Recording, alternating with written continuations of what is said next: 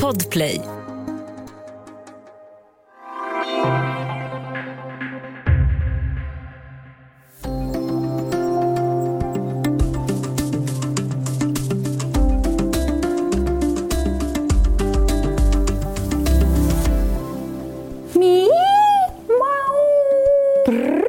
Att en katt kan spinna, jama, fräsa och morra, ja det vet vi.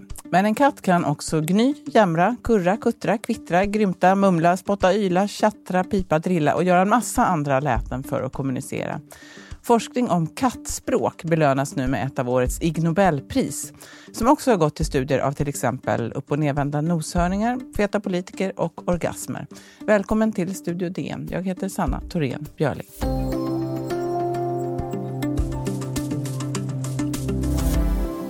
Det riktiga Nobelpriset i all ära, men det finns ju flera varianter på dem. Ekonomipriset till Alfred Nobels minne, Nobels fredspris och så det så kallade alternativa Nobelpriset, Right Livelihood Award. Och så finns Ig Nobelpriset. Och med oss för att prata om det har vi Maria Gunther, DNs vetenskapsredaktör. Välkommen! Tack så mycket! Vi har ju pratat om det här förut i podden, men det var ett tag sedan, så du får friska upp vårt minne. Ig Nobelpriset går ju till forskning som ska vara rolig, men inte bara rolig, eller hur? Nej, det är forskning som först får dig att skratta och sen får dig att tänka. Så alltså, det ska inte bara vara roligt, utan det ska vara någonting i det som är på allvar, så att säga. Vem delar ut det? Ja, den som ansvarar heter Mark Abrahams och han har, som har skapat det här priset, han är ceremonimästare och han, det är 31 gången han gör det nu. Så det är länge sedan han skapade det här priset. Men sen så på själva ceremonin så delas priserna ut av riktiga nobelpristagare. I år är det nio stycken, bland annat Frances Arnold som var, tog kemipriset 2018, som är en av mina favoritnobelpristagare faktiskt. Wow. Eh, det är tio priser eh, och vi tänkte att vi skulle gå igenom dem. Och då börjar vi med den svenska pristagaren, lingvisten Susanne Schötz. Vad har hon gjort? Ja, alltså hon har då lyssnat på katter och kartlagt och namngett alla deras olika ljud. Och det, det är lite roligt då, för hon är från Lunds universitet och det här är en lång rad av eh, priser som just Lunds universitet har fått senare år. Ja, men det handlar alltså om hur katter låter och hur de kommunicerar med oss med ljud. Mm. Så här sa hon själv en, i en DN-intervju 2018 om eh, vitsen med den här forskningen. Kommunikation med människor är allt mer viktig eftersom katter allt oftare används i, som terapihjälp till exempel på äldreboenden eller som sällskap till människor som lider av depression eller ensamhet. Och där är det ju ännu viktigare att man verkligen förstår kattens vokala signaler. Vad menar de egentligen när de jamar på det här viset? Så hon har alltså suttit och lyssnat på katter helt enkelt? Hon har suttit och spelat in katter och analyserat katters ljud liksom på många olika sätt och skapat fonetiska bilder och då hittat på fick skapa ett helt nytt eh, namngivningssystem för katternas läten. För att det var ingen som hade forskat på det här sedan 1944. Eh, det finns ju mer djurforskning här. Det finns bland annat en noshörningsstudie. Vad är det för något? Ja, den handlar om hur noshörningar egentligen mår när de hänger upp och ner i fötterna. Alltså då har, det är forskare då har, har sövt ner, eller de har ja, sövt ner noshörningar i, med såna här bedömningspilar. Och sen har de jämfört dels hur noshörningarna mår när de ligger på marken och dels hur de mår när de hänger upp och ner i fötterna från en lyftkran. Men Maria, varför, hänger man, varför ska en noshörning hänga upp och ner? Alltså det är ju så här att de, det är så man förflyttar noshörningar. Man behöver flytta på noshörningarna så, så eh, he, he, har man dem hängande från helikoptrar i fötterna. Och forskarnas tes var då att de inte mår så bra av det. Men studien visar att de faktiskt mår lika bra när de ligger ner som när de hänger upp och ner. Eh, du kan väl eh, passa på när vi pratar om djur då, eh, kackerlackor eh, är också undersökta? Ja, det mest förvånande med det priset tycker jag är att, att amerikanska mariner har egna entomologer, alltså insektsforskare. I alla fall hade de det 1971 då när den här studien som har fått priset kom ut. Och enligt den här studien så är den allra största utmaningen för dem att hantera kackerlackor på ubåtar eftersom där har man ju luft som man återanvänder så att man får inte använda farliga priser, eller farliga gifter menar jag, som också skadar besättningen. Just det. Innan vi går vidare till de här andra priserna, har du själv någon, någon favorit bland de här tio pristagarna?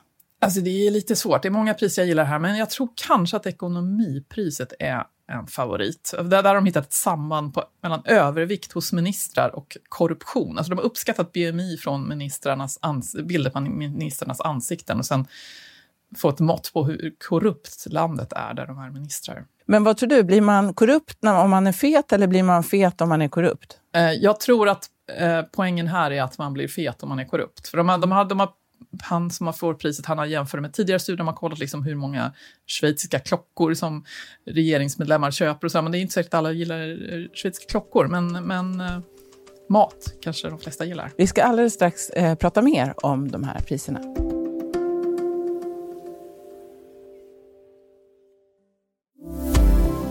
Studio DN idag med DNs vetenskapsredaktör Maria Gunther. Vi pratar om årets Ig Nobelpris som går till rolig och tänkvärd forskning.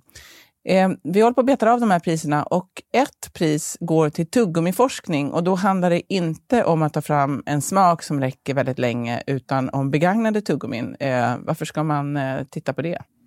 Ja, det här är också ett, ett, av mina favoritpris, det är priset i ekologi. Alltså då har forskarna de har skrapat tuggummin från trottoarer i fem olika länder. I Spanien, Frankrike, Grekland, Turkiet och Singapore. Och så har de gjort DNA-analyser på dem för att se vilka bakterier som lever i de här tuggummina. Och störst biologisk mångfald så hittar de i ett tuggummi från Singapore. Där fanns det 427 olika bakteriestammar. Och det tyder då på att den människa som har tuggat på det där tuggummit har käkat olika saker, eller? Ja, alltså det, de gör också en studie där de undersöker hur länge det dröjer innan liksom bakterierna från munnen ersätts av bakterier från naturen, då, eller från trottoaren. Så att det, mm. det handlar nog både om tuggaren och miljön, där tuggummit ligger.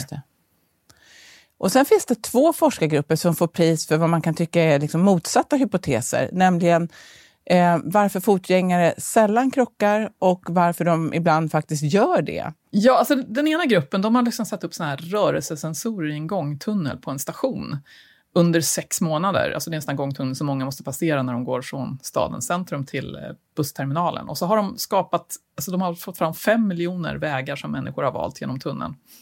Och, så, och då, de, drar slutsatser av hur man planerar. Man planerar ju själv hur man ska gå, men också så måste man ju anpassa sig till hur andra går och rör sig och springer eller genom tunneln och så. Och den andra gruppen då, de har filmat personer med olika mössor. De har mer skapat ett experiment. De har satt en grupp med röda mössor och en grupp med gula mössor och så har de fått mötas i en korridor och så har de filmat dem uppifrån för att se hur de rör sig. Och hur de liksom anpassar sig efter varandras rörelser.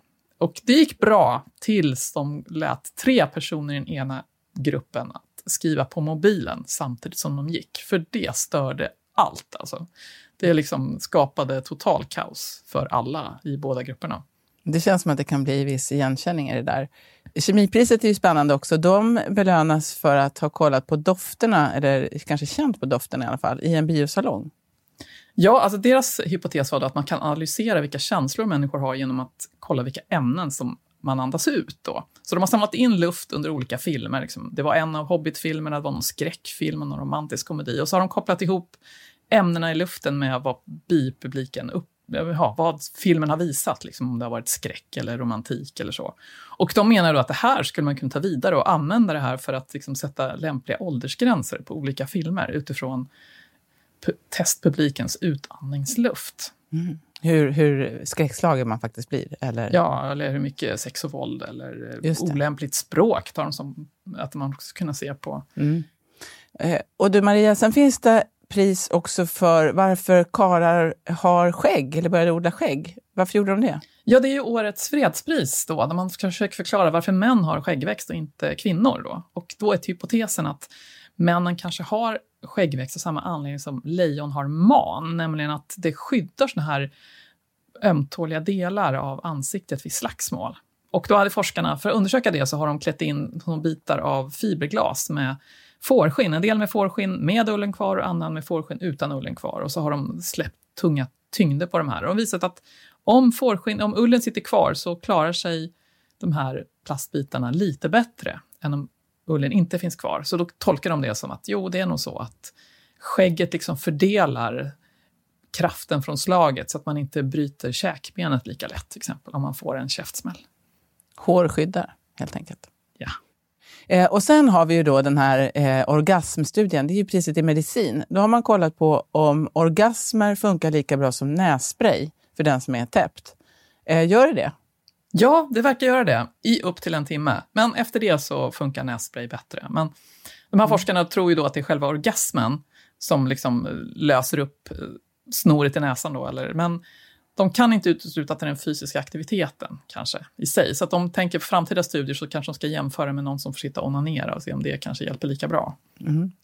Eh, det är väldig blandning här eh, av ämnen kan man säga. Men när du intervjuade då Susanne Schötz, hon med katterna, då så sa hon till dig att det var bra på universitetet i Lund, som du sa, var, eh, så har ju flera priser gått till forskare som har anknytning dit. Och hon hade intrycket av att forskningen var fri och att det är en fördel då om man slipper lägga väldigt mycket tid på att söka anslag. Och det här med pengar är ju viktigt. Och jag undrar, vem, du tror, vem, vem tror du finansierar så här eh, väldigt udda studier? Ja, alltså, någonting man kan se är att ingen av de här studierna är speciellt dyra. Liksom. Att, att gå och skrapa tuggummi från trottoar eller liksom att titta på bilder av politiker. Eller till den här medicinstudien, då, den här onanistudien, där fick de försökspersoner fick ta med sig och mäta själva liksom sin, eh, hur näsflödet under... Så att, och i fallet med noshörningsstudien så ingick det i en större grej. De skulle göra några andra sakstudier på noshörningen och så passade de på också att kolla hur de mådde. Så att det är ju alltid ja, det är inte speciellt dyr forskning som, som eh, blir så här bra. Just det, utan det handlar mer om kanske själva idé, idéflödet då kanske man kan säga. Vilka andra faktorer tror du är viktiga för att skapa den här typen av forskning eller kreativitet? Ja, men det, det är väl lite det som idéflödet, det är att ställa de här frågorna som ingen har tänkt på. Liksom. Eller hur ska vi undersöka det här? Det kanske, ja, hur lever bakterier i tuggummin? Liksom, det är inte så att det är jättemånga som går att fundera på det, eller jag gör inte det i alla fall. Men man Nej. kan ju få fram mycket intressanta saker, eller utandningsluft i biografer. Men ni som jobbar med vetenskap eh, och vetenskapsreportrar och redaktörer brukar ju ofta tippa Nobelpris och vilka som kommer att få dem. Eh, har du samma koll på den här typen av knasforskning? Eller liksom, saknade du någon studie som du tänkte att den här blir nog belönad i år? Alltså det finns en studie som jag har hört talas om, jag har inte läst den, men jag har hört talas om den som jag tror, som jag skulle bli jätteglad om den fick, eh, fick eh, pris. Det handlar om, det finns en hypotes att man hittar ofta rester av mammutfötter i, i botten på sjöar. Och då finns en, en hypotes att våra förfäder kanske använde de här sjöarna som någon typ av kylskåp. Liksom. Att man, man dödade en mammut och sen så liksom sänkte man den i sjön för att den skulle, för att den skulle hålla. Så då, då, finns det några som har gjort en sån studie med, någon, eh, att, med en död häst som de lät stå i en, i en sjö i ett halvår för att se om den här hypotesen kan stämma. Och jag, den skulle jag tycka var kul om den fick pris någon gång. I år, så, som jag förstår det, så var ju hela den här prisutdelningen digital eh, i år igen. Eh, men vad får de som vinner? Eh, ja, varje år så får alla som vinner en sedel på 10 000 miljarder zimbabwiska dollar. Det låter ju, det är ju värt några kronor om jag förstår rätt. Men, men, eh, men sen, sen så får de alltid ett pris varje år. I år så fick de en, eller liksom speciellt för varje år, i år fick de en pdf-fil som de kan skriva ut och så får de vika ihop det till ett kugghjul. Och tänderna i det här kugghjulet är bilder av människotänder. Men alltså de har gjort det tydligen så bra att det ser ut som att eh, Nobelpristagaren står hemma hos sig och så överlämnar priset till pristagaren sen som tar emot det framför sin skärm. Då, så att de är väldigt, väldigt snyggt gjort, mm. fast det är digitalt. Jätteroligt att du var med idag. Tack ska du ha, Maria. Tack så mycket. Och vill du komma i kontakt med oss på Studio DN så gör du det lättast genom att mejla till studiodn Studio DN görs för Podplay av producent Sabina Marmelaka, ljudtekniker Patrik Miesenberger och tekniker Oliver Bergman, Bauer Media. Jag heter Sanna Thorén Björling.